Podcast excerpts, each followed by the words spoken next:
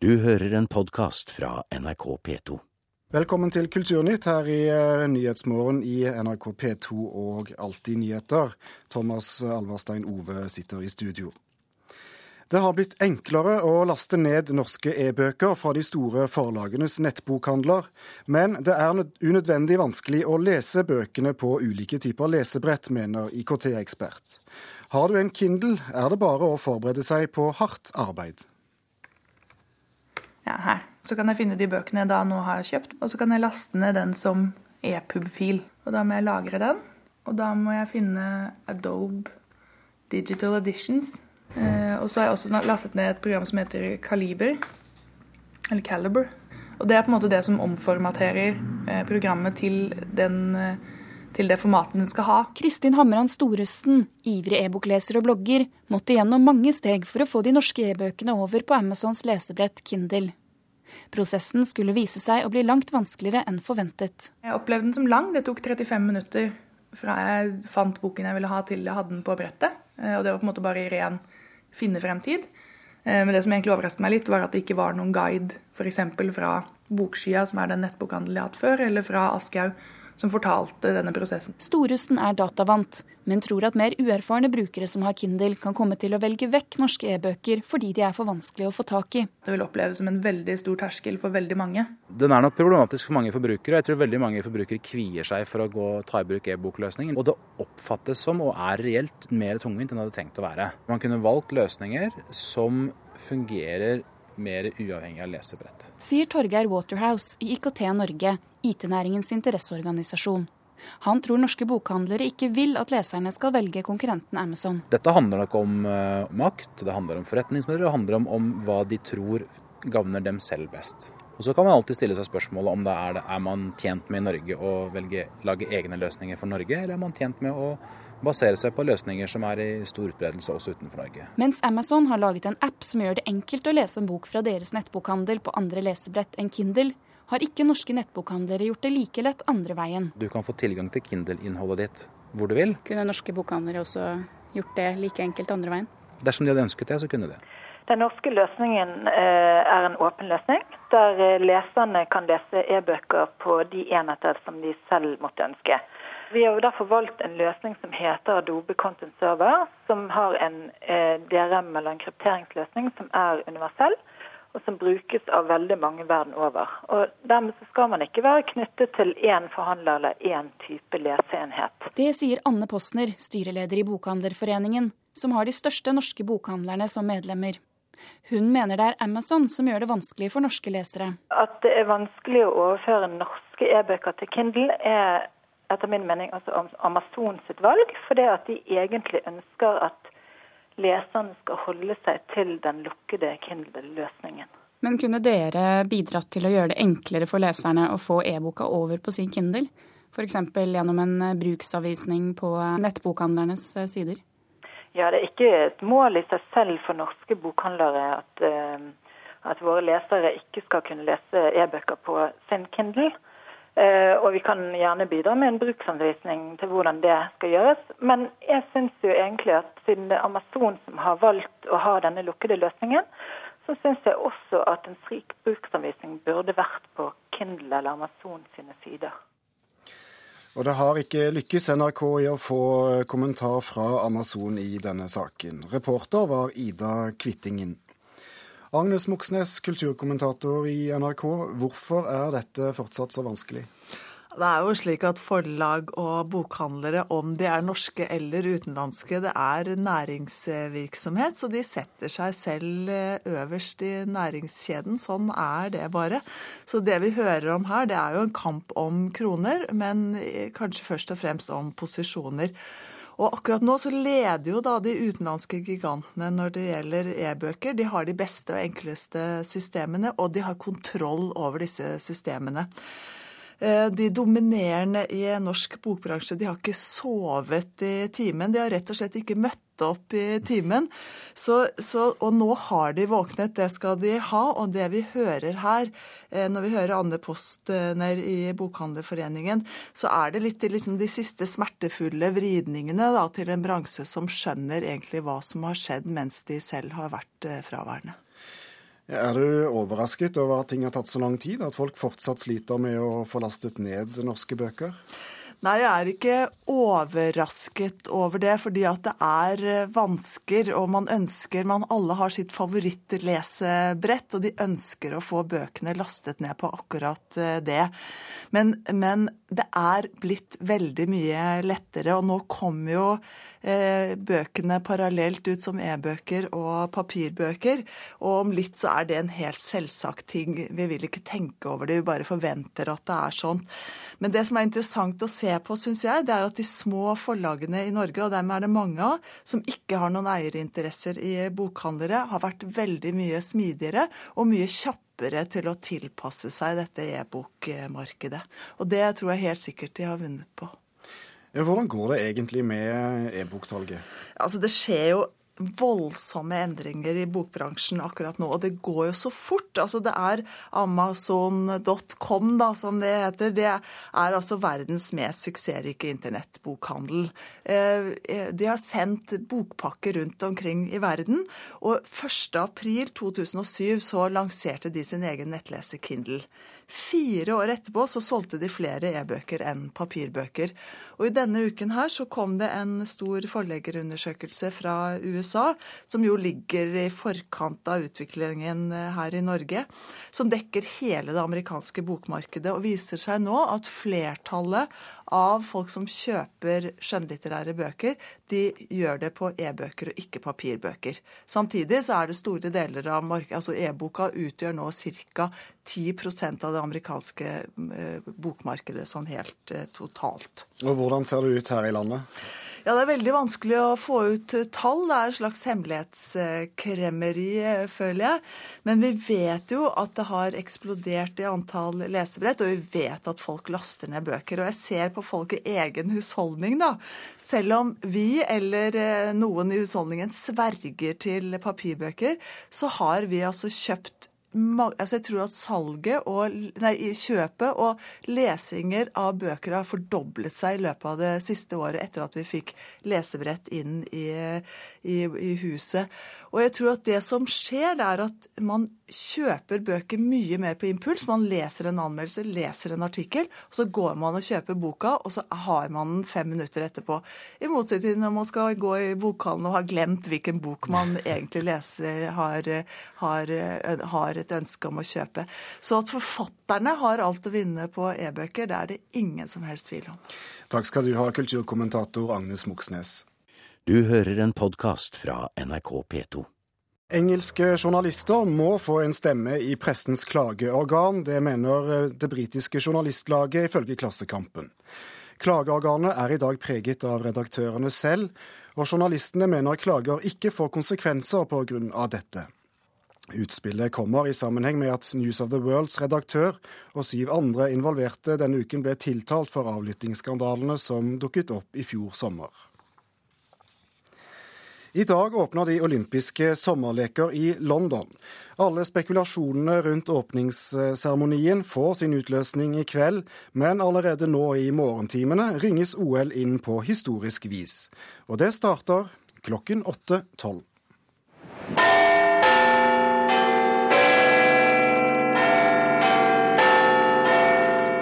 Det er første gang på 60 år at klokkene i Big Ben kimer utenom sine faste tider. Den gang, i 1952, var det i anledning begravelsen til kong Georg 6. Nå er anledningen muntrere.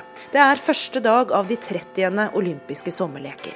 This work consists of trying to ring all of the bells in the for three minutes as loudly and as quickly as possible.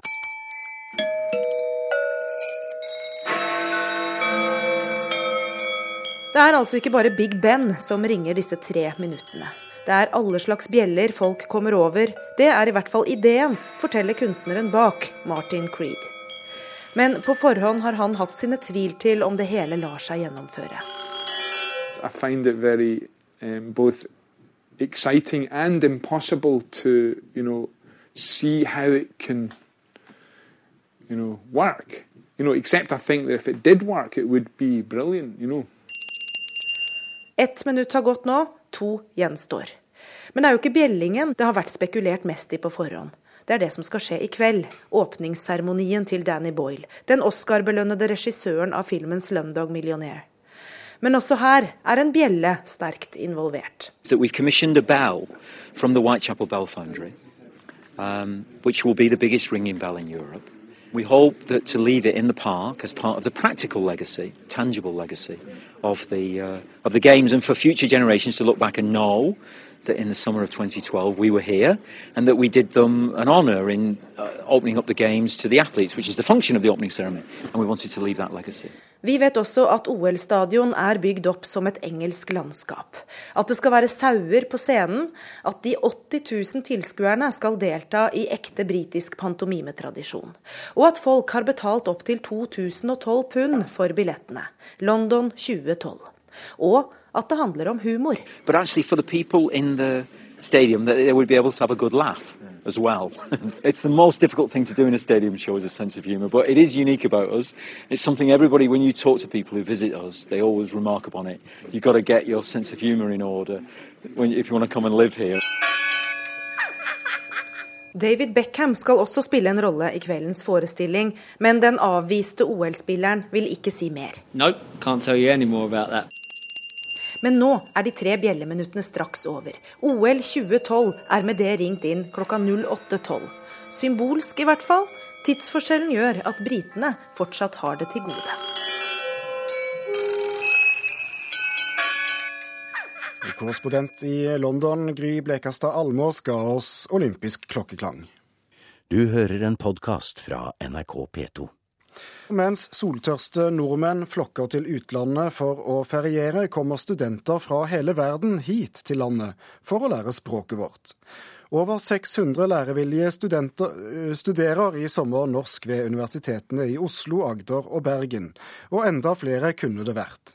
Sommerkurset i Bergen har dobbelt så mange søkere som de har plass til. Det er stille i gangene på Universitetet i Bergen.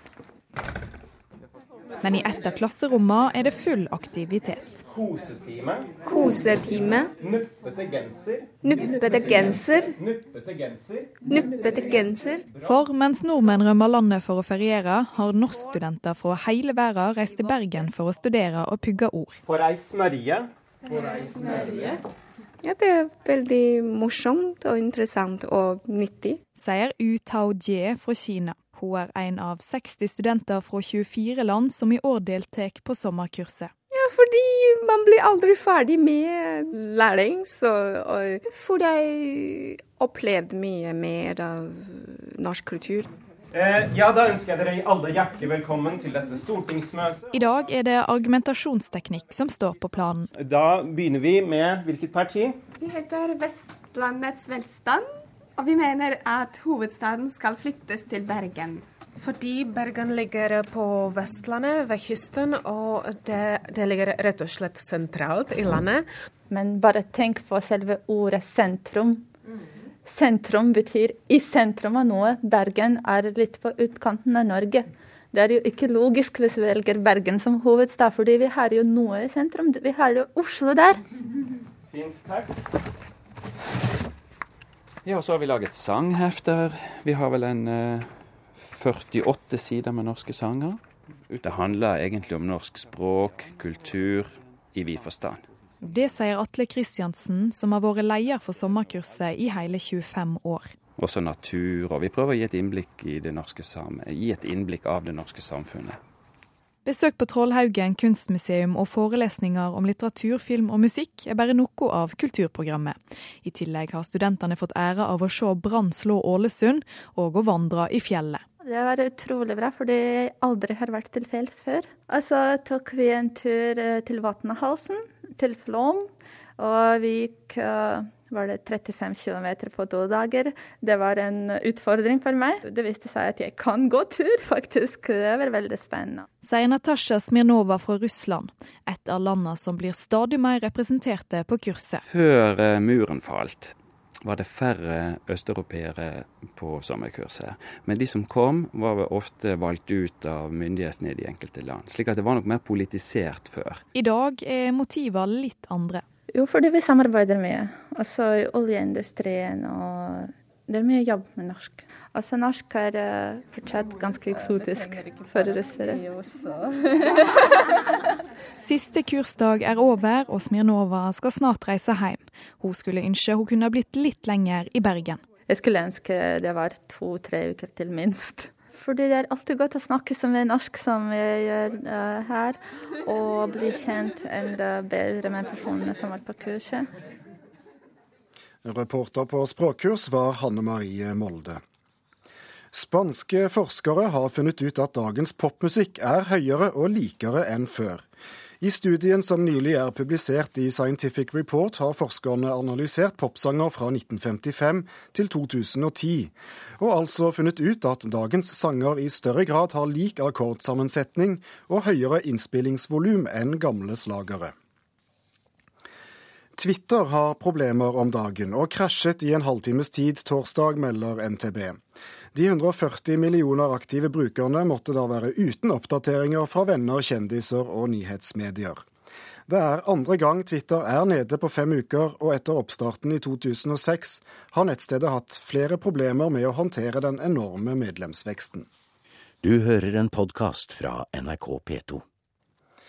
I dag uh, Unnskyld. Aten, Chicago, Köln, Warszawa, Rio og Seoul. Alle disse storbyene har tidligere vært vertskap for IOCs verdensmesse for olympisk samling. Dette er verdens største samling for folk som samler på OL-frimerker, medaljer, brev og andre OL-relaterte memorabilia. Og neste år kommer altså denne samlermessen til Telemark. Tidligere NRK-medarbeider Halvor Kleppen, du har trukket i trådene for å få denne messen til Bø. For du er selv eh, OL-gullmedaljør?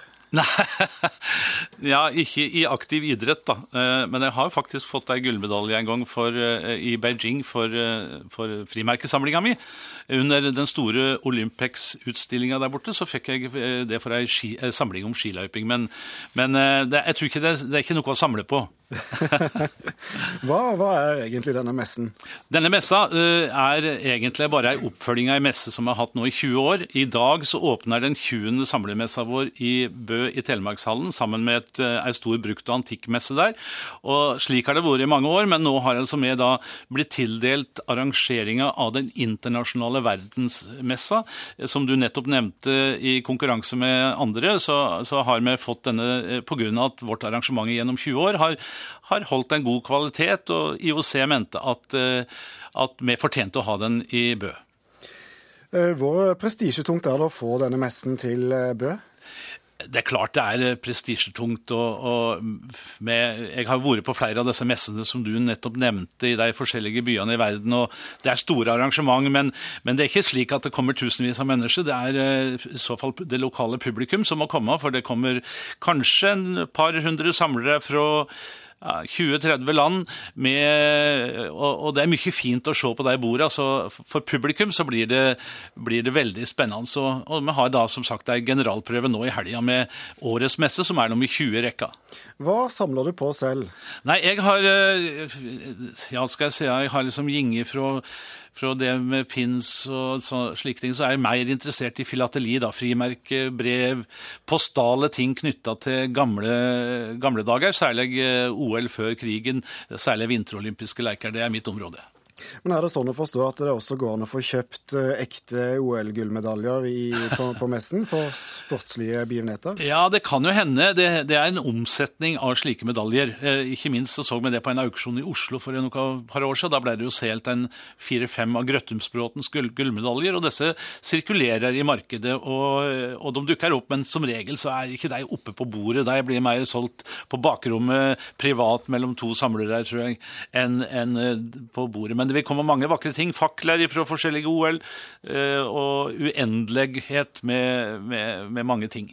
Vi får ønske lykke til med planleggingen. Takk skal du ha for at du var med i Kulturnytt, Halvor Kleppen. Du har hørt en podkast fra NRK P2.